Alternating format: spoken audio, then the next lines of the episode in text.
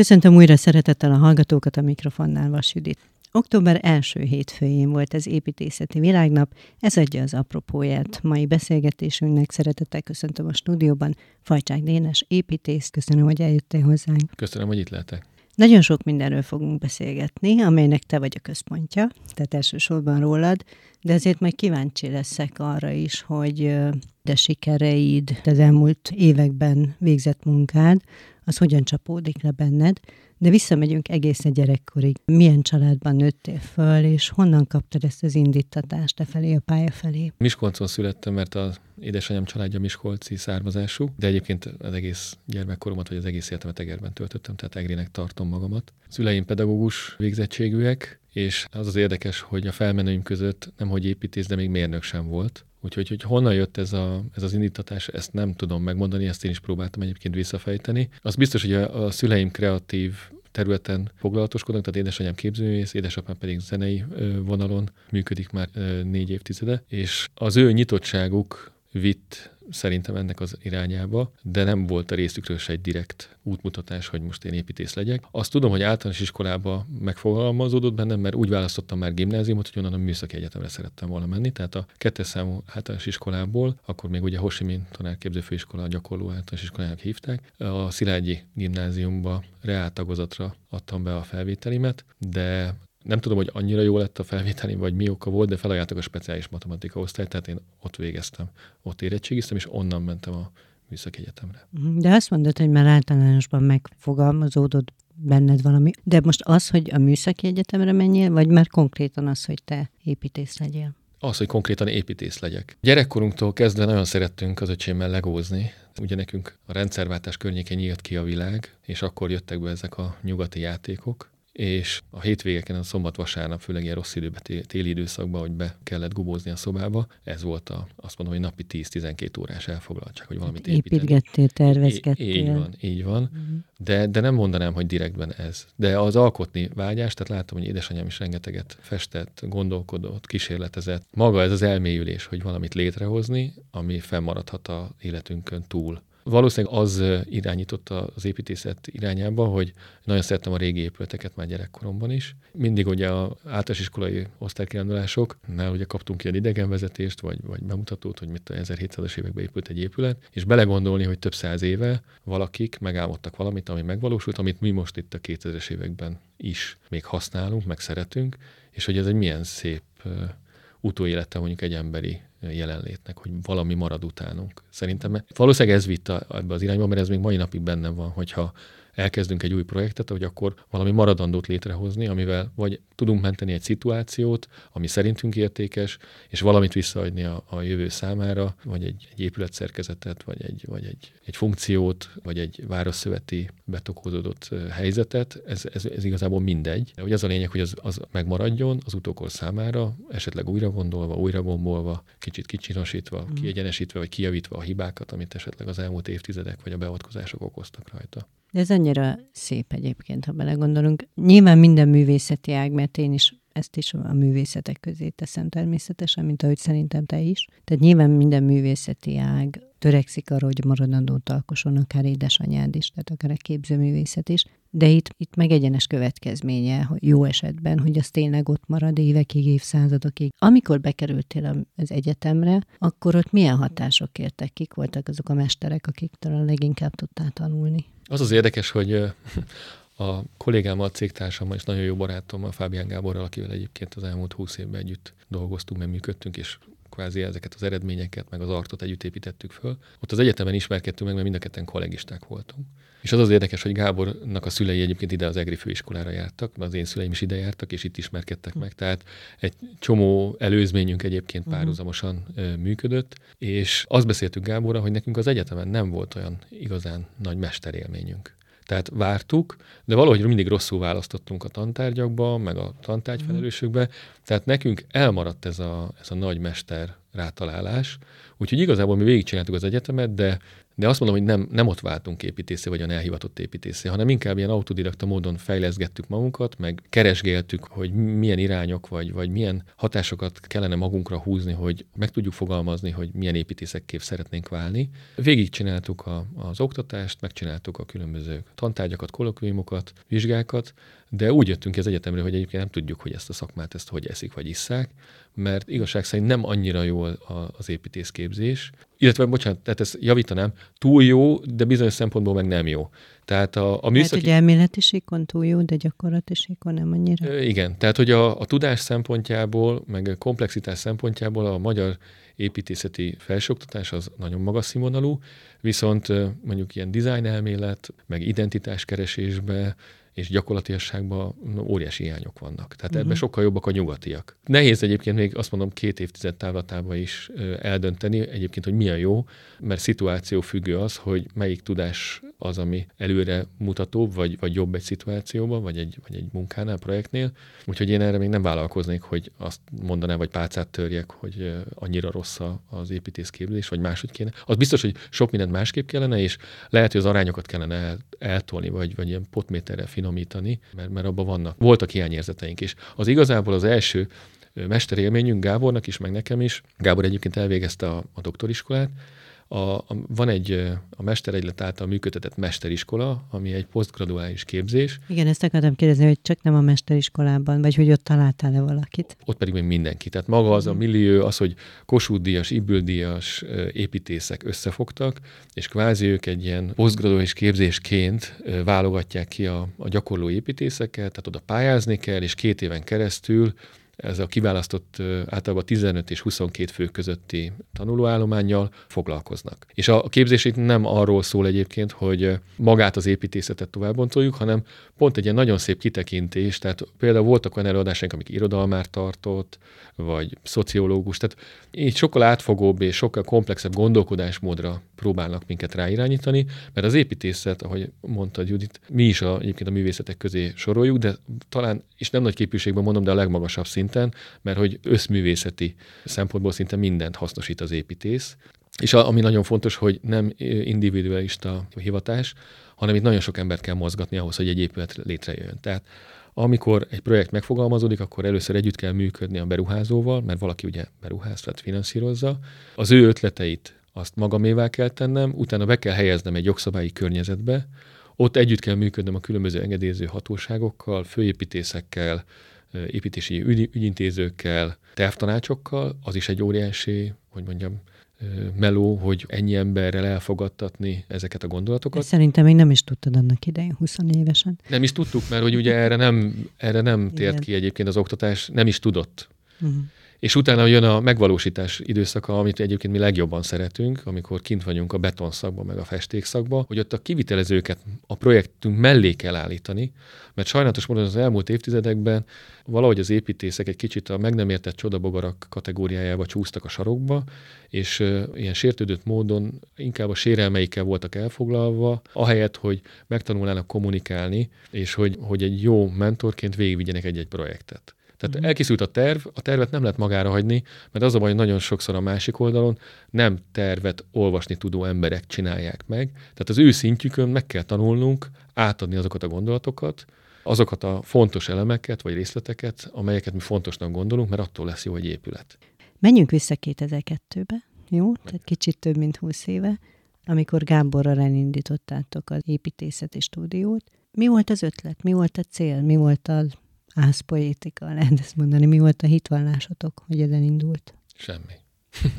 Nagyon jó. ez, egy, ez egy kényszer Ahhoz képest volt. mivé nőtte ki magát?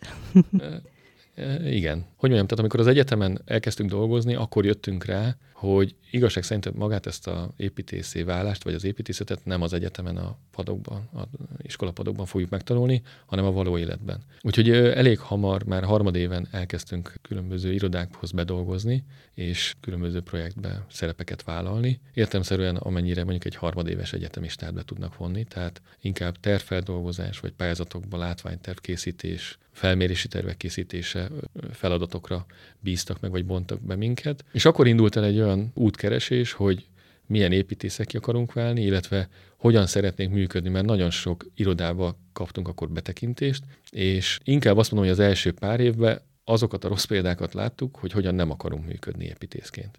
Ami egyébként pozitívum tud lenni, mert utána az emberbe akkor leülepszik, hogy akkor ha ilyen nem akarok lenni, akkor, akkor másmilyen. Tehát nagyon sok olyan építész irodával kerültünk kapcsolatba, akik hajnaltól késő estig bent voltak, a családjaikkal alig tudták tartani a kapcsolatot. Este láttam olyat, hogy leadás előtt az apuka telefonon keresztül mesélt a gyerekeknek, és akkor megfogalmazott, hogy én ilyen életet nem szeretnék. Ha lehet, akkor szeretném úgy beosztani az időmet, hogy én is napi 8, lehet, hogy 10 órába dolgozom, de, de nem, nem egy építész irodába szeretném leélni az életemet. Mhm. Hanem... Ez egyébként sikerült? Tehát így élsz? Igen, igen.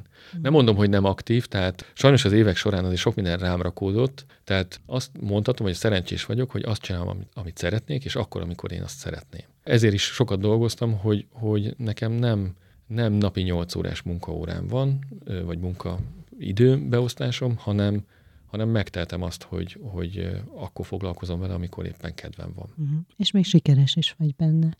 Azt, hogy sikeres vagyok, azt majd, majd eldönti hát az... azért vannak már visszacsatolások. Szerencsére vannak pozitív ö, visszacsatolások, de ezek nem biztos, hogy egyenes értékűek, mondjuk, vagy, vagy ezek sikernek tekinthetőek. Pozitív visszacsatolás. Mi inkább így, így definiáljuk uh-huh. magunknak. Amely gondolom azért visz titeket előre. Sokat segít, és inkább azt mondom, hogy ezek a visszajelzések a mélypontokon segítenek átlendülni.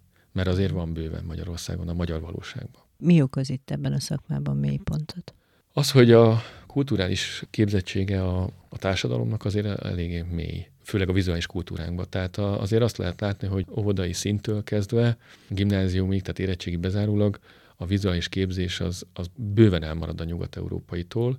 Azt lehet mondani, hogy a periférián éppen hogy létezik. Az átlagembered egy kicsit olyan korlátoltabban lát, mint ahogy ti?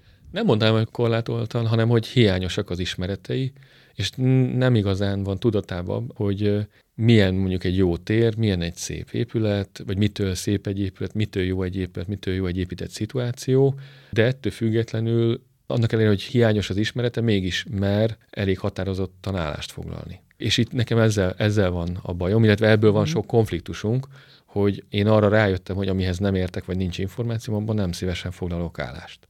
Mhm, de Tehát ez sokszor egy... meg kell vívnod a harcodat? Igen. Igen. És az a baj, hogy nagyon sok szituációban mínuszból kell indulni. Tehát hogyha valamit kitalálunk, és akkor nekünk egy nagyon, tehát nálunk nincsenek ilyen, ilyen adhok, meg, meg gag-szerű építészet, tehát hogy valami gesztus, valami dolgot lerakunk, és akkor fú, milyen jó, és akkor körbeugrik, mint egy szobrot. Tehát nálunk egy nagyon racionális gondolati sorozat határozza meg a döntéseinket, mi ebbe belekényszerültünk egy picit, tehát mi, amikor kikerültünk az egyetemről, akkor utána épp, hogy elkezdtük építeni az irodat, és jött a, a nagy gazdasági visszaesés 2009-ben, nem azt éltük meg, hogy bármit lehet az építészeknek, és nem számít a pénz, hanem rögtön egy, egy olyan kényszer szállt ránk, hogy nincs pénz, nincs pályázati pénz, mégse adnak annyit, még vissza kéne belőle venni, hogyan lehet műszaki tartalmat csökkenteni, és akkor én utólag azt mondom, hogy szerintem mi ezért szerencsések vagyunk, hogy ehhez tudtunk alkalmazkodni. Ez egy képesség, és a, a legtöbb épületünk egyébként ezen a gondolati meneten egy ilyen nagyon racionális, szerethető és fenntartható komplex épületté vagy gondolat tömeggé állt össze. Én úgy gondolom, hogy az épület az egy használati tárgy, és az elsődleges legfontosabb szerepe az, hogy funkcionálisan jól működjön. És nekünk általában a második lépcső az, hogy nem szeretünk esztétizálni, tehát ilyen rárakott elemeket, amelyek ennek az épületnek nem De a sajátja. A letisztultság is esztétikum valahol, tehát egyfajta esztétikum. Hát azért mondom, hogy egy ilyen nagyon racionális, tehát hogy a funkcióból eredeztethető épülettömeg az adott városi szituációval, vagy éppen ha nincs városi szituáció, akkor abban a szituáció nélküliségbe a külső és belső tereknek a, a viszonyai vagy a kommunikációját figyelembe véve. Mi az, ami belőlünk hiányzik? A jövőre való nyitottság. Az építészet az mindig a jövőnek épít. A jó épületek, valamelyik mesterem mondta egyszer, hogy amit ma meg tudok építeni, az már készen van. Tehát, hogy az, az már valaki megcsinálta.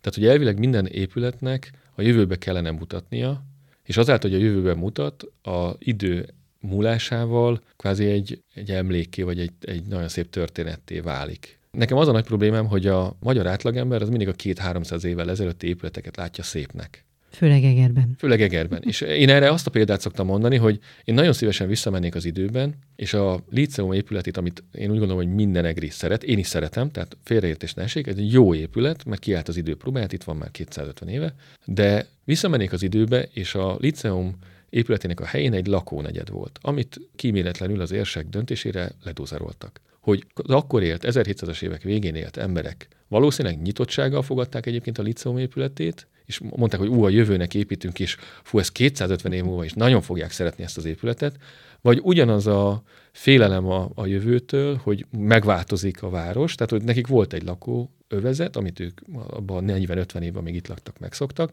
és egy óriási, drasztikus beavatkozás történt a városba, amit az idő beigazolt, hogy jó döntés volt, hiszen itt van azóta is az egyetem, a főiskoláról ugye egyetemre váltott, és egyébként most minden EGRI 2023-ban azt mondja, hogy az egyik legikonikusabb épület. És ezt a folyamatot szeretném én megértetni, vagy láttatni az emberek irányába, hogy, hogy akkor született egy jó döntés, valószínűleg nagy ellenállás volt, de az idő igazolta őket, akik ezt De akkor te már ezt tudod, ugye eleve, hogy mindig ellenállásba is fogsz ütközni valószínűleg, legalábbis nagy valószínűséggel, és hogy valahol egy természetes reakció azok részéről, a mi részünkről, akik nem tudunk így gondolkodni, vagy nem így gondolkodunk, mint te. Csak neked ez egy állandó küzdelem most is, meg valószínűleg az is marad. Igazad van, meg, meg így gondolom, de hogy az lenne jó, hogyha eljutnánk oda, és ez egy idealista hozzáállás, hogy a bizalmat megszavazzák az emberek. Nem mondjuk ez fontos. Tehát, hogy elhiszik nekem azt, hogy én jót akarok, és hogy amit csinálunk, az egyébként időtálló lesz, fenntartató, és a városnak, vagy akár a beruházónak az érdekeit képviseli, vagy szolgálja hosszú távon. Mm. A fúzió az milyen változást hozott az életedben? A fúzió az egy, én úgy gondolom, hogy fordulópont volt az irodánk életében. Csodálatos volt egyébként magának így a, az egész létrehozásnak a, a körülménye. 2010-ben a lokálpatrióta életre hívott akkori fiatalok számára egy ilyen megnyilvánulási lehetőséget, különböző csoportokba tömörítve, ilyen kulturális, borászok, fiatal borászok, turizmussal foglalkozó embereket megkeresve, kérték, hogy dolgozzanak ki mindenki a saját szakterületén egy javaslatot, hogy Egert hogyan lehetne az egy éjszakás vagy az egynapos turisztikai attrakciókból több éjszakásra bővíteni. És akkor én meghívást kaptam a, a kulturális vagy ilyen képzőművészeti csoportban, mint építész. És ekkor össze... álmodtad meg a fényvárosát? Igen, ekkor, ekkor készítettem el a, a Kepes György munkásságát, akkor ismertem meg jobban, és nagyon nagy hatással volt rám az ő gondolatisága, és akkor álmodtam meg ezt a Eger a fényvárosa produkciót, és a prezentáción a sorok között ott ült ifjabb Gátibor, aki a prezentáció után odalépett hozzám, hogy nekünk majd egyszer kell együtt dolgoznunk, Dénes, mert nagyon tetszett a a prezentáció, és 2011 májusában, tehát egy év, bő egy évre rá, csörgött a telefon, és mondta, hogy na úgy néz ki, hogy elérkezett a, az idő, mert a, akkor a éppen romokban heverő pincészet, aminek ismeri talán a történetüket, szeretett volna megújulni, mint egy ilyen Phoenix Manner, és Tibor az utolsó forintjaikat egy Csiki Sándor utcai beruházásként négy épületnek a megvásárlása elköltötte, és megkeresett, hogy, hogy hát ő itt valami nagyon nagy duranál szeretne, és megszavazná bizalmat számunkra.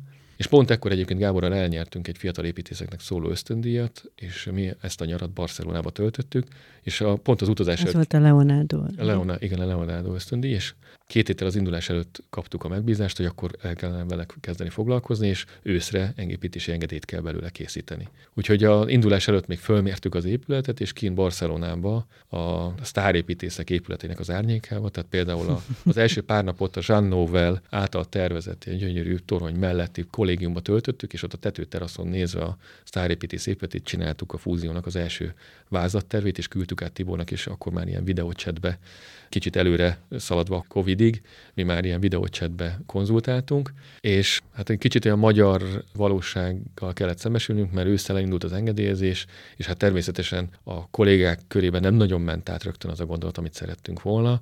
Óriási küzdelmeink voltak akkor az örökségvédelmi szakügyintézővel, hogy, hogy itt azért műemléki érintettség, belváros. Szuba szumárom az hogy 2014-re három év alatt lement az engedélyezés, és megvalósult az épület, és akkor átszakadt egy gát amit egyébként utána az örökségvédelmi ügyintéző is bevallott, hogy amikor kivittük az épülethez kézenfogva és végigmentünk rajta, azt mondta, hogy ő nem gondolta, hogy ezt így meg lehet építeni, és hogy innentől kezdve bármit elhisz nekünk. Hm. És onnantól kezdve változott az ő hozzáállása. Tehát például egy szakmában dolgozót is meg kellett győzni arról, hogy, és végig kellett verekedni, vagy végig kellett menni minden egyes szerkezeti megoldáson. Tehát például, hogyha jártál ott, akkor látod, hogy a, az udvar felé ilyen nagy üveg megnyitásokat tudtunk csinálni. Az eredeti terveken nem ezek szerepeltek, ha ez egy szerencsés véletlennek köszönhető, ugyanis az Örökségvédelmi Ügyintéző a régi pincehajtókat és a pici pince nyílásokat engedélyezte, mivel hogy egy örökségvédelmi terület mellett helyezkedett el az épület, és azt mondta, hogy nem hamisítunk, hanem, hanem ezt kell megtartani.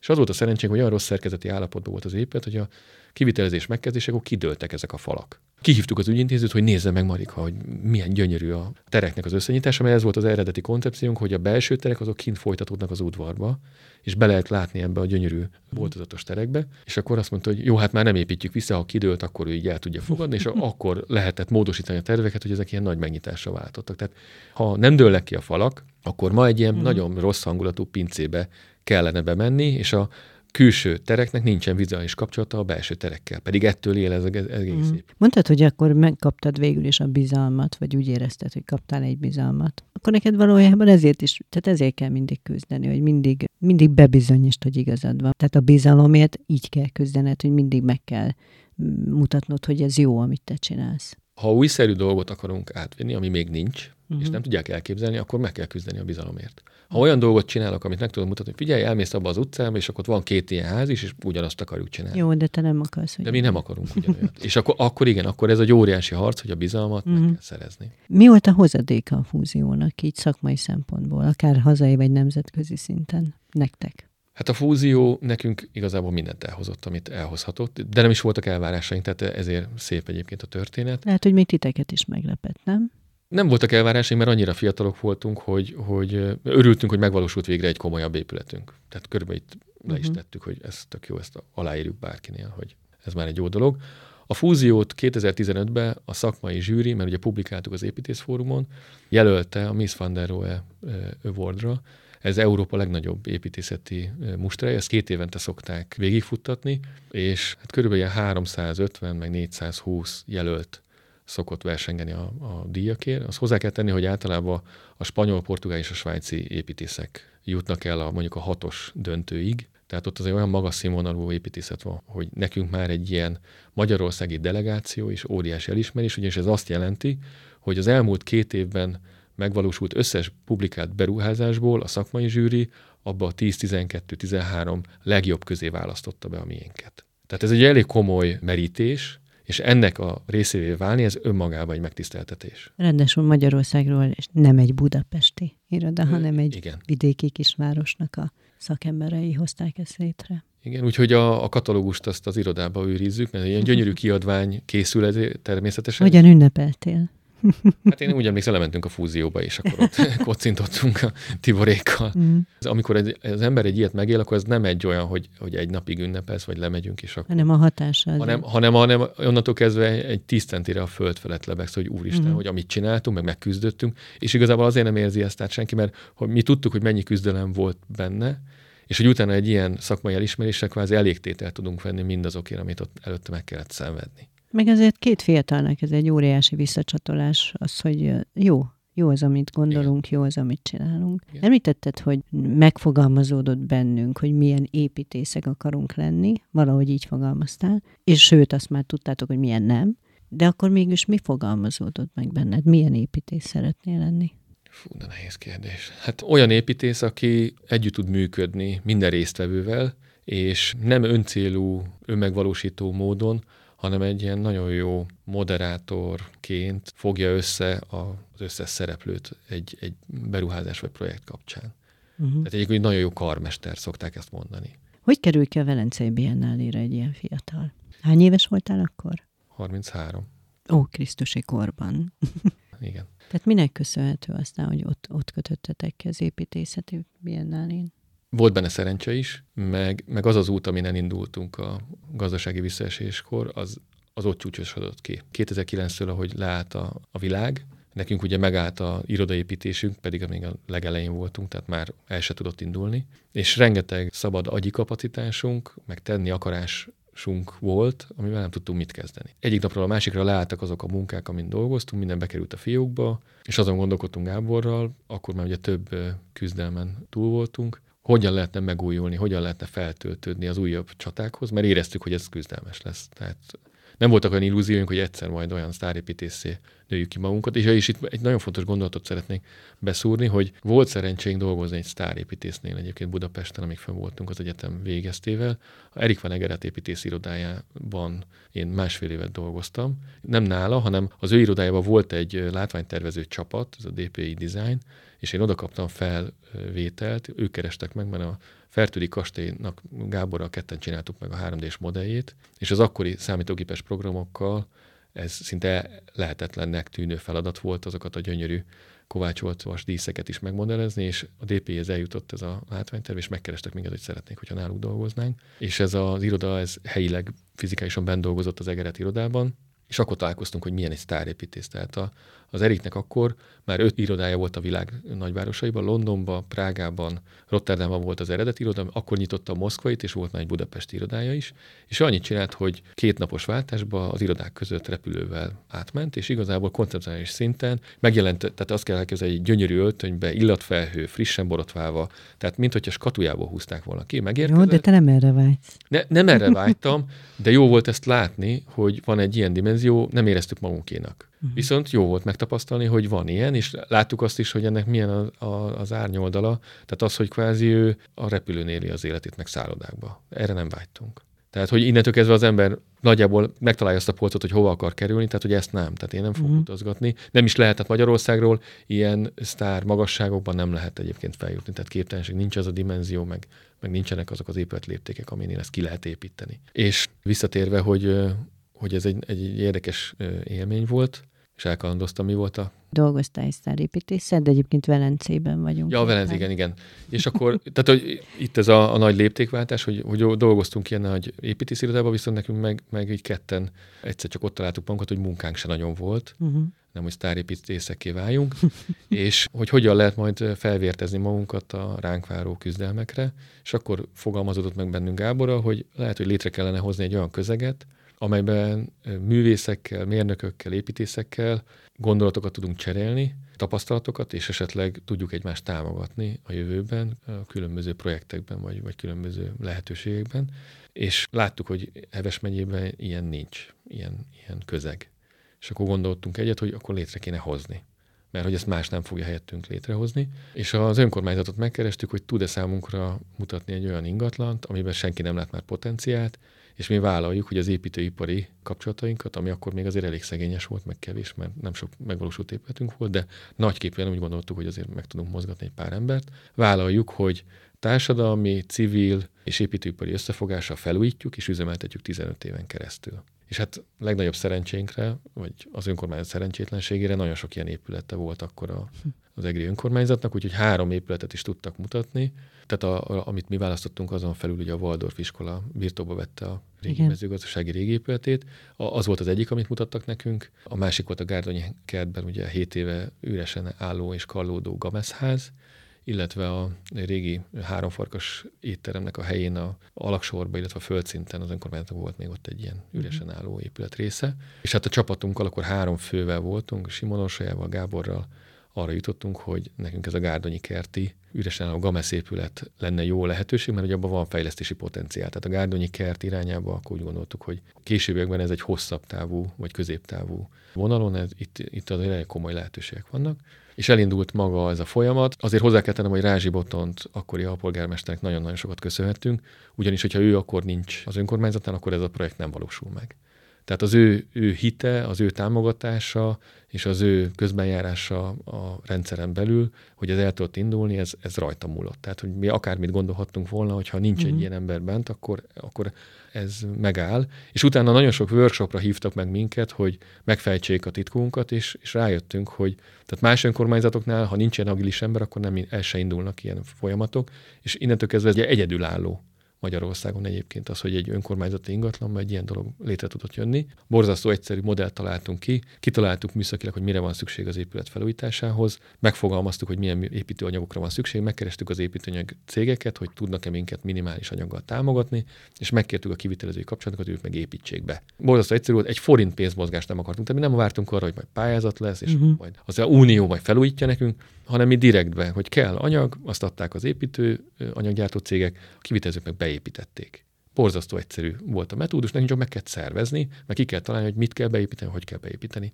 És 8 hónap alatt 15 millió forint értékben tudtuk az épületet rendbe rakni. Gépészetben, nyilázárókban, falszerkezetekben, padlóburkotokban, uh-huh. meg belső bútorokban. Ez 8 hónap alatt lement. Azt képzeld el, Judit, hogy 8 hónap alatt az önkormányzat a jogi alapot nem tudta megteremteni hogy ez legálisan egy egyesületnek áthatható legyen, meg működtethető legyen. Tehát már majdnem készen voltunk az épülettel, amikor kibukott, mhm. hogy jogilag ez borzasztó problémás, mert ugye az önkormányzat tulajdonában van, de a Vármúzeumnak a kezelésében, és akkor mi hogy kerülünk oda, hogy tudnak minket bármiféle jogalappal beengedni, és már készen volt az épület. És a botonnak a közbenjárása segített, hogy ezt rendbe tették, uh-huh. meg találták a jogalapot, akkor mindenki megnyugodott, elindult a az épületnek a működése. A múzeumok éjszakáján tudtuk megnyitni az épületet, úgyhogy az is tök sikeres volt. Volt egy kis nem, nem igazán sikerélmény, ugye az egyik szomszédnek köszönhetően, hogy egyik funkciótól viszont el kellett válni. Igen, tehát próbáltunk tanulva mert jártuk a világot tanulva a szubkulturális létesítményeknek a,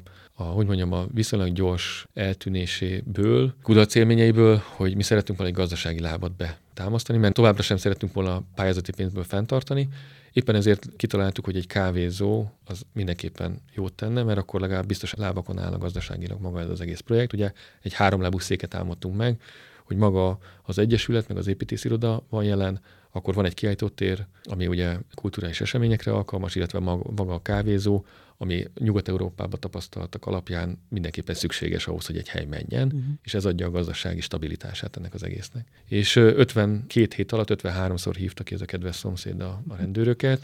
Rendőri intézkedés egy alkalommal se volt, tehát mindent szabályosnak találtak, de ki kellett jönni, és a két üzemeltető hölgy elfáradt benne, teljesen megértem, tehát ez olyan stressz volt nekik, pedig nagyon jól csinálták, nagyon jó volt a visszajelzés, a városrésznek végre volt egy ilyen tök kultúrált borfogyasztásra alkalmas, nem kocsma hanem uh-huh. inkább ilyen borkert-szerű helye. Elindult a kertnek az élete, és így egy év után viszont egy óriási nagy visszaesés volt, hogy, hogy ezt bezárták, vagy uh-huh. be kellett zárnunk. Viszont az épületnek lett a hozadéka Velence. Így van. Tehát maga ez a történet, amit 8 hónap alatt létrehoztunk, hogy körülbelül 400 embert vontunk be, és a Velencei Biennáléra pedig ez a sokrétű beágyazódása a társadalomba, tehát hogy aktiválva lett egy, egy csomó dolog. Ugye ez volt a címe a, a kiállításoknak is, aktivátorok. Ugyanis a csilei Pritzker díjas építész Alejandro Aravena hirdette meg arra az évre a Biennálénak a hívószavát, vagy hívó gondolatát, ez a jelentés a frontról, tehát pont ugye 2016-ban voltunk, a 2009-es gazdasági visszaesés utáni nagyjávoli fellendülés időszaka kezdődött meg, és ő arra volt kíváncsi, hogy ebből 2009-től 2014-15-ig abban a tetszhalott állapotban milyen harcai voltak az építés szakmának, és hogy milyen projektek jöttek ezáltal ebbe a uh-huh. öt évbe létre. És hát ez igazából testezálló volt nekünk ez a uh-huh. projekt, vagy ez a feladat. De ez hogy csapódott le bennetek, amikor megtudtátok, hogy mentek? Hát ez hihetetlen öröm volt. Tehát ahogy a, ahogy a fúziónak a, a sikerét, úgy ezt is, amikor belekezdtünk, tehát valahogy az ember nem fogja föl, hogy mit is csinál. Van egy érdekes, vagy ilyen nagyon jópofa történet az édesapámhoz fűződik, amikor elkezdtük ezt az épületet csinálni, hogy nem laknak messze hogy a minaretnél, fölsétáltak az egyik este, és akkor koszosan éppen falbontásból jöttem ki, és akkor édesapám ilyen nagyon elkesedett mondta, hogy fiam, meg kéne már komolyodnod, gyűjtse inkább bélyeget. Mert, mert teljesen ők se értették, hogy, hogy mibe vágtuk a fejszénket, és akkor, amikor kiválasztottak a Biennáléra minket, akkor egy 10-12 hónappal később ott a megnyitón oda bögte neki, hogy mondom, emlékszel, mit mondtál nekem egy évvel ezelőtt? És akkor elrögte magát, és mondta, hogy nem gondolta volna. Ahogy hallgatnak, az jut eszembe, hogy te teszed egyre magasabbra magadnak a mércét egyébként. Olyan magasra, vagy úgy, hogy még titeket is meglep. Én nem gondolom, hogy mércét tennék föl, hanem...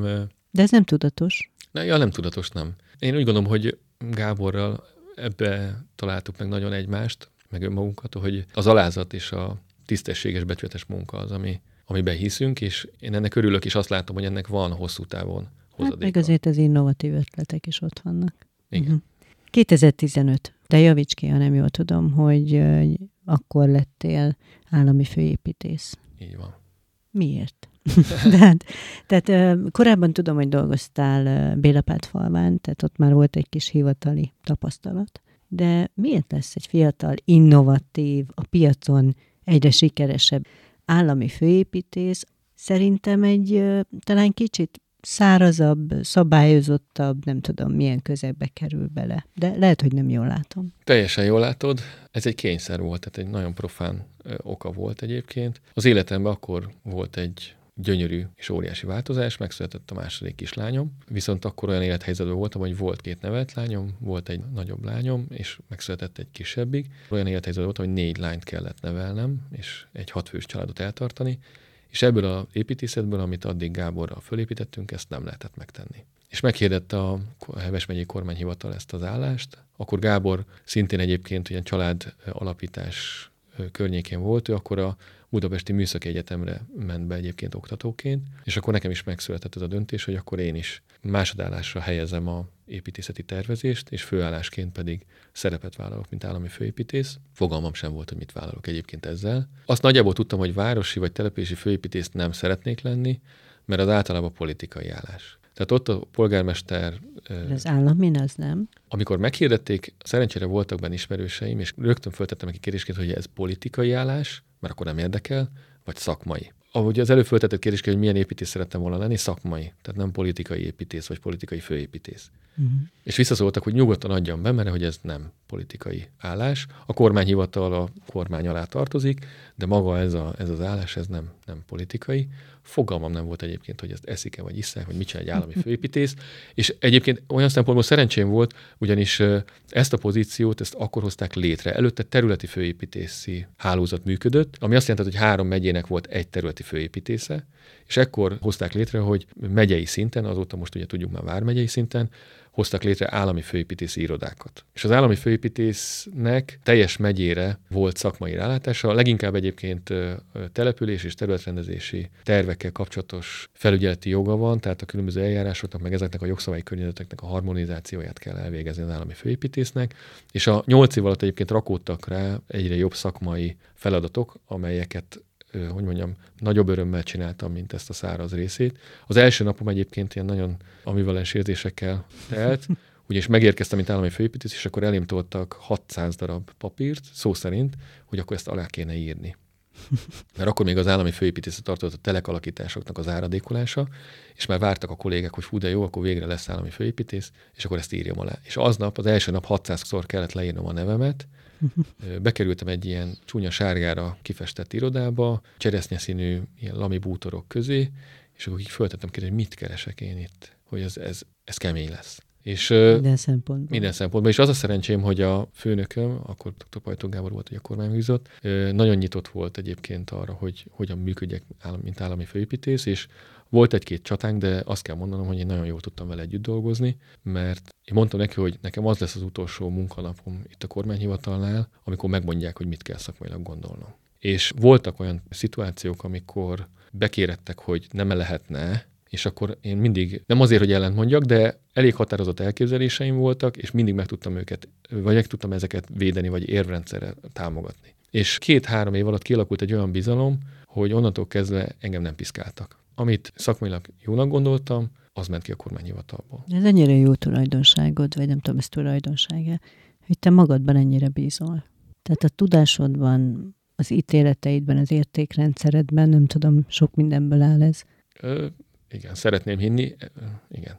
Uh-huh önmagamat kellett kitalálni, és mivel, ahogy mondtam, a, a vezetőség nyitott volt, igazából szabad kezet kaptam, tehát azt tapasztaltam, hogy a területi főépítészek, ugye három megyét felügyeltek, ugye Borsod megyében van 360 település, Borsod, meg Nógrád, meg Heves megye, ha megnézzük, akkor az majdnem 600 település, tehát egy területi főépítész inkább visszamenekült az irodájába, hogy hagyják békében, 600 települést nem lehet szakmailag lekezelni. Uh-huh. És a én megyei főépítészként azt tapasztaltam, hogy nincs kommunikáció a településeket, tehát azt se tudják, hogy van az állami főépítész, mert a területi inkább visszavonul, és hogy innentől kezdve én elérhetetlen vagyok számukra, meg ők is számomra, tehát hogy nincs, nincs párbeszéd. És akkor elkezdtem hírleveleket gyártani, jó példákat kiküldeni. Az egyik kolléganőnkkel, Krisztinával, aki most már július óta az állami főépítész, csináltunk egy blogot, létrehoztam egy blogot, ahova jó példákat raktuk föl, ezeket mindig Krisztina készítette elő. Én megadtam a témákat, vagy küldtem, amik egy pár gondolatot, ami éppen beakadt, és akkor ő ezeket tök szépen kidolgozta. Amikor a, a minisztériumból a telepés arcati kézikönyveket nek a előkészítését vagy elkészítését megkapták a telepések, akkor mi Krisztinával csináltunk egy megyei telepés arcati kézikönyv kiadványt, amivel szintén szerettük volna Heves megyét valahova fölrakni a, a térképre ilyen szempontból. Úgyhogy elkezdtem kitalálni magamat, hogy állami főépítészként szeretnék szemléletet, szeretnék iránymutatást és perspektívát szélesíteni. Nyolc év után jutottam el oda, amikor sajnos föl kellett állnom, hogy napi szinten hívtak a jegyzők, a polgármesterek, kérdeztek, én segítettem, a település tervezők szintén, ha bárhol elakadtak, akkor hívhattak, irányt mutattam. Tehát kialakult egy végre egy kommunikáció, mert hogy ez, én, én ebbe hiszek.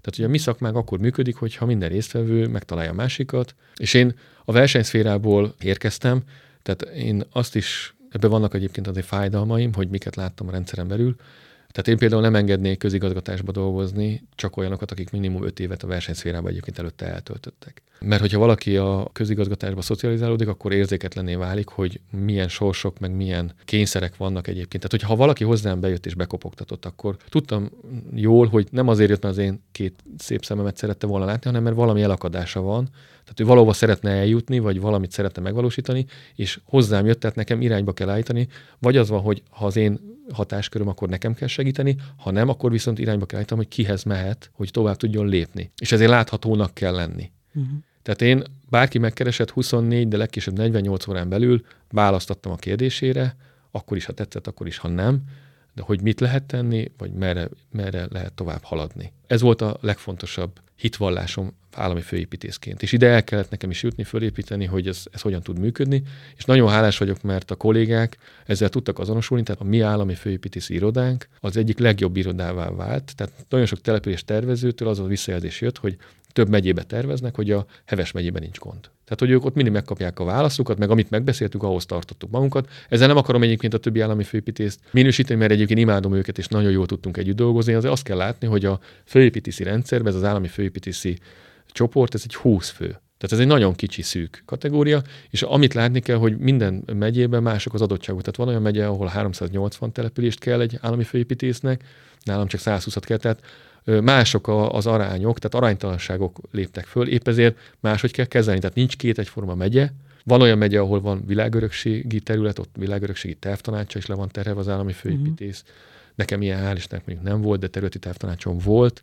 Van, ahol nem működnek a területi tervtanácsok, mert nincs annyi terv, 70 település van, mint Nógrád megye, kisebb megye. Épp ezért különbségek is alakultak ki az állami főépítészek között. Akkor három évvel ezelőtt megkaptuk feladatként a minisztérium, hogy területi tervtanácsot kellett örökségvédelmi területekre működtetni, és ebbe is sikerült egy olyan nagyon jó szakmai csapatot összeállítanom a tervtanácsi tagokból, hogy híre ment, és én kvázi ennek a munkámnak köszönhetem, hogy egyébként meghívást kaptam tavaly az országos tervtanácsba. Két vidéki közül az egyik vagyok a 20 fős meghívott Kossuth Díjas, uh-huh. meg Ibül Díjas építészek között. Hát akkor felteted magadnak a kérdés, hogy mit keresik én itt, de azt hiszem, hogy megtaláltad egyébként. Igen. Tehát én ezt is nagyjából fölépítettem magamba, hogy 15 év alatt hova szeretnék eljutni, és ennek most pont a felébe meg kellett ezt szakítanom. Remélem, hogy még esetleg tudom ezt majd ezt az utat folytatni. Most jelenleg úgy áll, hogy most egyelőre nem, de, de nem zárkozom attól, hogy ezt esetleg majd folytassam. De neked sokat adott egyébként, nem? Mert szakmai szempontból. Rengeteget, rengeteget köszönhetek neki, de még egyszer mondom, tehát itt a felső vezetőimnek köszönhetem azt, hogy, uh-huh. hogy ki tudtam teljesedni, és meg tudtam magamat fogalmazni állami főépítészként, mert ha ők ezt nem engedik, akkor értem szerint nem érem el ezeket a mhm. magasságokat. Uh-huh. A fúzió után, meg a noszvai, cserépfalui munkák után ha jól tudom most, lehet, hogy nem jól emlékszem, gyümölcstároló. Most csak én mosolyogtam ezen, mert én józan paraszt észsel, ami gyümölcstárolót életembe ismertem, tehát nem tudtam ezt így hová tenni egyelőre. Hogy lehet egyrészt szakmai sikert, vagy, vagy elismerést gyümölcstárolóval elérni? Tudom, hogy nagyon butának tűnik most neked a kérdés. Másrészt mit tud ez a gyümölcstároló? Mitől van ez jelölésre ítélve? Nehéz lesz ezt is megválaszolni. Igazából ez, ez egy 15 éves folyamatnak a végtermék. Azt kell, hogy mondjam, hogy mondtam az elején, hogy kérdezted, hogy tehát szerencsének is köszönhetünk sok mindent, és a, hogy mondjam, a, a marketingre sose költöttünk, Gábor, ebben nem hittünk, tehát a becsületes munkába hittünk, és nekünk, a, ha megnézed a, mondjuk a visszajelzéseket, a, a, akkor a munkákra, amikre kaptunk, ezek mind valahogy összefüggnek. A fúziót a fényvárosának köszönhettük, a Noszvai lombházakat a fúziónak, mert a két tulajdonos a fúzióban volt, és akkor az épület annyira megérintette őket, hogy utána megkérdeztük, hogy kitervezte. A cserépfalui házat azt úgy megtaláltuk, de ezt a Szentendreit, ezt például a cserépfalui publikációnak köszönhettük. Ugyanis következő története, jött egy e-mail 2020 tavaszán, amikor már publikálásra került a, a cserépfalui épület, meg akkor azt hiszem évháza díjat is megkaptuk, külön díjat. Ezt hol... meg se kérdezem, hogy érintett. nagyon jó visszajelzés volt az is. Jött egy e-mail egy kedves hölgytől, hogy látta a publikációt, és hogy nekik van egy, egy romos házuk Szentendrén, amelyre van már elkészült terv, tehát, hogy ők egy tervezővel megtervezték, de igazából nem tudnak azonosulni a tervel, és hogy bármilyen együttműködésben de nagyon örülnének, hogyha megnéznénk a házat, és ha csak szaktanácsadás szintjén is, de segítsük már őket, mert úgy érzik, hogy az építész, akit bevontak, az nem érzi át ennek az épületnek. Uh-huh. A... Ez milyen ház volt? Hogy kellett elképzelni? Ez olyan szempontból tök átlagos ház, hogy a történetét tekintve egy ilyen magyar átlag, hogy 30-as években épült kint Szentendre, akkor még kültereti részén egy terméskőből egy ilyen kalákába egy épület, amit utána a 60-as, 70-es években egy ilyen beton tornáccal kibővítettek, és úgy évtizedekről évtizedekre, hogy rakódott rá valami tákomány dolog. De ez hogy egy uh, lakóház? Nem lakóház, ez tényleg gyümölcstároló volt, ez inkább ez egy hétvégi ház. Egy Budapesten, ha jól emlékszem, az a baj, hogy az adatokban nem vagyok annyira biztos, mert ezt inkább Gáborék egyeztették le az elején, hogy a kertészeti egyetemnek valamilyen magas, vagy rektora, vagy nem tudom kicsoda, vette ezt a telket, és kvázi ő ilyen növényeket ültetett be, tehát olyan volt, mint egy arborétum, és ő uh-huh. Pestről hévvel, meg tömegközlekedéssel ment ki hétvégére, és ott kapirgált, kikapcsolódott, volt, hogy kin is aludt, de hogy ez nem egy klasszikus hétvégi ház volt, hanem, hanem inkább ez a, ez a hét... Gyümölcstároló. Tényleg gyümölcstároló volt. Uh-huh. És emiatt abszolút nem volt benne ugye semmiféle vizes helység. Volt egy nagyon négyzetre szerkesztett egyterű tároló, és körülötte kialakult három oldalról egy ilyen közlekedő tér, uh-huh. ahol ücsörögni tudott ez a, uh-huh. ez a bácsi. Mi volt a kívánság, és mit láttál meg te benne? A, a kívánság az volt, hogy egy fiatal pár, akiknek nincsen gyerkőcük, ki akarnak ide költözni, és nekik kellett életteret létrehozni egy kutyával. Hátul egyébként összeraktak időlegesen az építkezés idejére már egy ilyen kis faházat, és ilyen félnomád körülmények között, tehát hogy kint volt a kézmosási lehetőség, de ők oda már kiköltöztek, mert annyira vágytak oda. Tényleg gyönyörű volt az egész kert, fantasztikus növényeket, mint egy arborétum, és ennek a közepén állt ez a kallódó, meg, meg összetákolt több egymásra rétegződött épület, és akkor Gáborral elkezdtük visszafejteni. Tehát ugyanúgy, ahogy Cserépfalut megcsináltuk, hogy visszafejtettük a rossz döntéseket, meg a különböző burkolatokat, megtaláltuk ezt a gyönyörű kőfalat, akkor ez adta az ötlet, hogy ezt mindenképpen látszóba meg kell tartani.